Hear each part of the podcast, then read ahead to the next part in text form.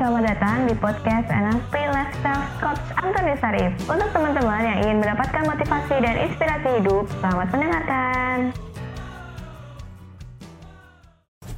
Positive thinking is important.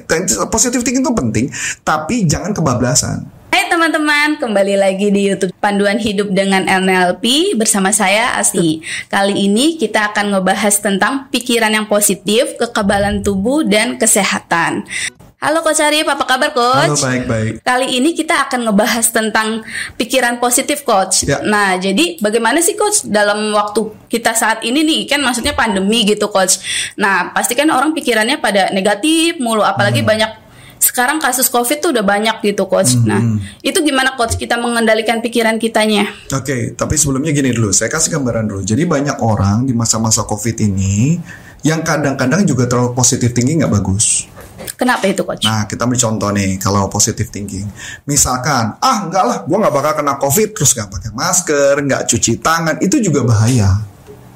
Ya, jadi artinya positive thinking boleh, tapi bukan berarti positive thinking tapi bertindak dengan bertindak dan bertingkah laku bodoh. Maksudnya dia tidak cuci tangan, dia eh, tidak pakai masker. Nah, itu kan adalah tindakan-tindakan bodoh, betul nggak? Betul. Nah, jadi yang paling penting adalah positive thinking itu yang paling penting adalah ketika kita ada problem negatif, maka yang harus kita lakukan adalah ketika mulai muncul ketakutan, kita tetap jaga eh, supaya kita tidak tambah takut. Karena kalau kita tambah takut, imun sistem tubuh kita akan turun. Udah pasti akan turun. Saya ambil contoh aja yang paling sederhana deh ya. Eh, saya ingat banget waktu awal-awal pandemi tahun 2020 di 2020 itu kondisinya saya ingat banget bahwa eh, saya itu eh, sempat mengalami ketidaknyamanan. Bahkan waktu itu masih awal-awal tegang-tegangnya berita yang semakin banyak dan sebagainya. Jadi kita pergi ke satu tempat itu bawaan saya menjadi sesak napas jadi sesak napas. Waduh kok sesak napas ya? Nah ternyata saya menemukan bahwa orang sesak napas itu bisa juga karena kondisi panik. So kalau dia panik maka imun sistemnya akan turun. Sudah pasti akan turun. Tetapi yang mau saya katakan juga bukan berarti kita tidak mencegah. Contoh misalkan ya, saya ambil contoh kecuali kalau kita bisa kayak Deddy Corbuzier nih. Karena menurut cerita yang saya tahu, Deddy Corbuzier sampai hari ini dia belum pernah kena COVID. Belum pernah sama sekali. Bahkan OTG pun tidak. Tahu dari mana? Karena dia periksa darahnya dia, periksa waktu periksa darah dia, dia pun non reaktif alias dia tidak pernah kena sama sekali. Kok bisa? Nah, ini menarik gitu loh. Satu, memang dia positive thinking. Yang kedua, dia menjaga protokol kesehatan gila-gilaan. Nah, juga ini menarik nih, walaupun itu sempat kalau salah dokter Tirta ngomong, ah jangan-jangan lu udah kena kali bro, katanya gitu. Nah kemudian Deddy Corbuzier membuktikan, dan itu ada di Instagramnya, dia tidak kena sama sekali, dia non reaktif. Kok bisa? Nah ternyata saya menemukan, dia bukan hanya sekedar positive thinking, tapi dia menjaga kehidupannya menjaga apa? Kesehatannya, pola makannya, bahkan dia tetap olahraga di masa-masa kondisi ini. Jadi saya cuma mengatakan positive thinking perlu, tapi jangan berlaku tindakan bodoh gitu maksudnya.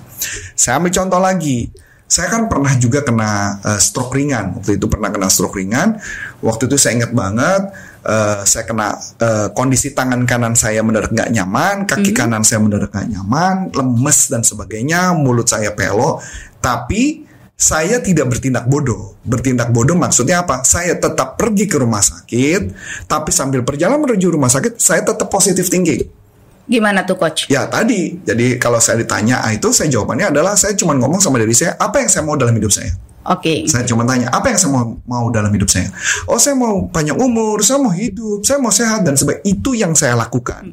Makanya kena juga waktu tanggal 5 Oktober 2020, kan saya pernah kena COVID juga. Nah, pada saat kena COVID, apa yang saya lakukan? Sama.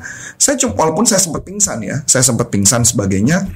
Tapi yang saya lakukan adalah apa yang saya mau dalam hidup saya.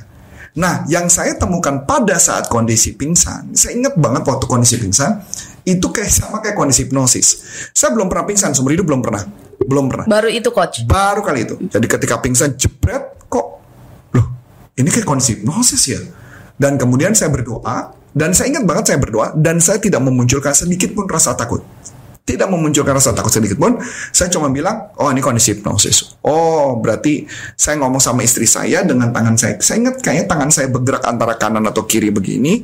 Karena istri saya bilang, pak, pak, pak, aku gini bilang tahan dulu sebentar. Maksud saya santai. Tapi istri saya bilang nggak melihat tangan saya bergerak, tapi mata saya putih semua. Nah saat itu saya cuma ngomong sama diri saya, saya nyebut nama Tuhan dan kemudian berdoa, kemudian saya ngomong pada hitungan ketiga pakai teknik hipnosis, pada hitungan ketiga saya akan bangun dan sadar secara sepenuhnya. Satu, dua, dan tiga, saya keluar dari kondisi itu. Nah, saya sempat berpikir gini, ini sempat kepikiran si Astuti. Saya sempat kepikiran apa kondisinya jangan-jangan orang-orang yang kena happy hipoksia itu juga kondisinya mirip. Saya juga nggak tahu ya, karena saya nggak berani. Saya tidak pernah melakukan penelitian persis seperti itu. Kalau misalkan teori itu benar, berarti logikanya semua orang yang pingsan dengan kondisi happy hipoksia, kemungkinan besar dia masih sadar secara sepenuhnya. Itu sepenuhnya coach, enggak setengah. Seingat saya sih sadar. Saya ingat banget. Saya ketika istri saya ngomong apa, tapi badan saya nggak bisa gerak. Cuma di kepala saya, saya tidak memunculkan rasa takut. Nah, ini yang saya nggak tahu apakah teori saya ini yang ketika saya alamin kondisi itu bisa digeneralisasi untuk semua orang yang kondisi yang uh, apa istilahnya yang sekarang tuh uh, yang berkurang itu apa saturasi oksigen atau apa itu berkurang apa bisa digunakan? Saya juga tidak tahu. Tapi yang saya ingat dengan pasti pada saat kondisi itu saya tidak memunculkan sedikit pun rasa panik. Yang saya munculkan adalah uh, sebentar lagi saya akan keluar. Tapi saya pernah belajar waktu itu ketika dalamin teknik hipnoterapi gitu ya, uh, dan saya sempat belajar banyak guru, mereka mengatakan kalau orang koma, waktu itu saya ingat banget ada satu guru saya di di Australia mengatakan orang kalau koma itu bisa dengerin kita. Tapi memang badannya aja gitu. Badannya aja yang itu karena dalam kondisi dia rest. Saya nggak tahu ini benar atau hmm. salah ya karena uh, saya tidak pernah melakukan penelitian secara resmi. Hmm. Tapi kalau menurut beberapa guru saya mengatakan mereka bisa dengar. Dia bilang sebagai buktinya apa? Contoh ketika dia megang jari, megang jari tangan kita gitu kan bisa. Uh, kalau dengerin kamu dengerin saya, tolong gerak apa genggam, genggam. jari saya dan biasanya katanya bergerak ada genggaman berarti dia dengar Hmm, Katanya, okay. saya juga nggak tahu. Nah, jadi kalau yang saya bisa katakan cuma satu hal. Kalau benar teori itu, makanya ketika orang dalam kondisi yang tidak nyaman, kondisi yang lagi sakit, jangan ngomong yang aneh-aneh. Jangan ngomong, waduh kasihan kamu ya, nangis. Jangan-jangan ntar lagi pergi tuh. Kenapa dia panik kan? Karena si orangnya itu juga panik kebetulan yang saya temukan kalau menurut beberapa cerita, menurut beberapa cerita, ini juga belum belum ada penelitiannya ya, yang mengatakan kebanyakan orang-orang yang meninggal adalah rata-rata adalah orang yang sudah menyerah dalam hidupnya. Dalam kondisi kondisinya itu. Kondisi saat itu. Kondisi saat itu. Atau dia pernah nyebut ya udah aku pergi aja lah dan sebagainya. Memang saya temukan itu terjadi ke orang tua saya dan itu terjadi juga ke mertua saya. Tapi saya nggak tahu ya kalau mama yang lain apakah begitu saya juga tidak tahu karena tidak pernah melakukan penelitian secara uh, apa spesifik. dengan spesifik. Kalau mama benar nanti teman-teman silakan komen ya. Nah, tetapi ini buat saya saya kasih gambaran bahwa positive thinking is important. Positive thinking itu penting, tapi jangan kebablasan. Kebablasan pengertiannya nggak ke rumah sakit, nggak ke dokter, itu bodoh namanya. Nangkap nangkap maksudnya? Nangkap kok. Nangkap ya. Jangan sampai begitu Oke, okay, oke, okay, kondisi ini. Nah, ya makanya artinya balik lagi. Positive thinking, COVID itu ada. Oke, okay? COVID itu ada, tapi bukan berarti lu nggak vaksin. Oke. Okay. Walaupun lu positive thinking, bukan berarti lu nggak vaksin.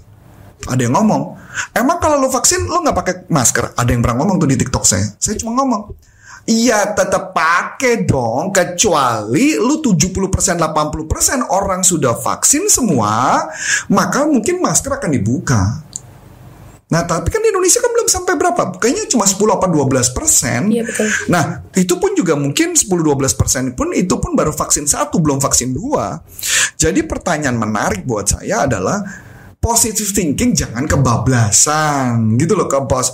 Artinya kalau saya ngeliatnya bukan ke positive thinking tapi ke contrast thinking. Mm-hmm. yaitu adalah melihat segala sesuatu positif kita pasti survive kita pasti selamat kita pasti hidup tetapi juga uh, di the blind pihak kita pun harus melihat dengan kondisi nyata seperti contoh, saya pun juga pakai pakai masker dua kan? Double ya coach? Pakai dua masker, bukan berarti nggak saya nggak pakai masker gitu. Saya pakai masker dua, uh, rambut saya saya tutupin. Tadi kebetulan habis dari uh, satu tempat karena ada uh, kerjaan dan sebagainya.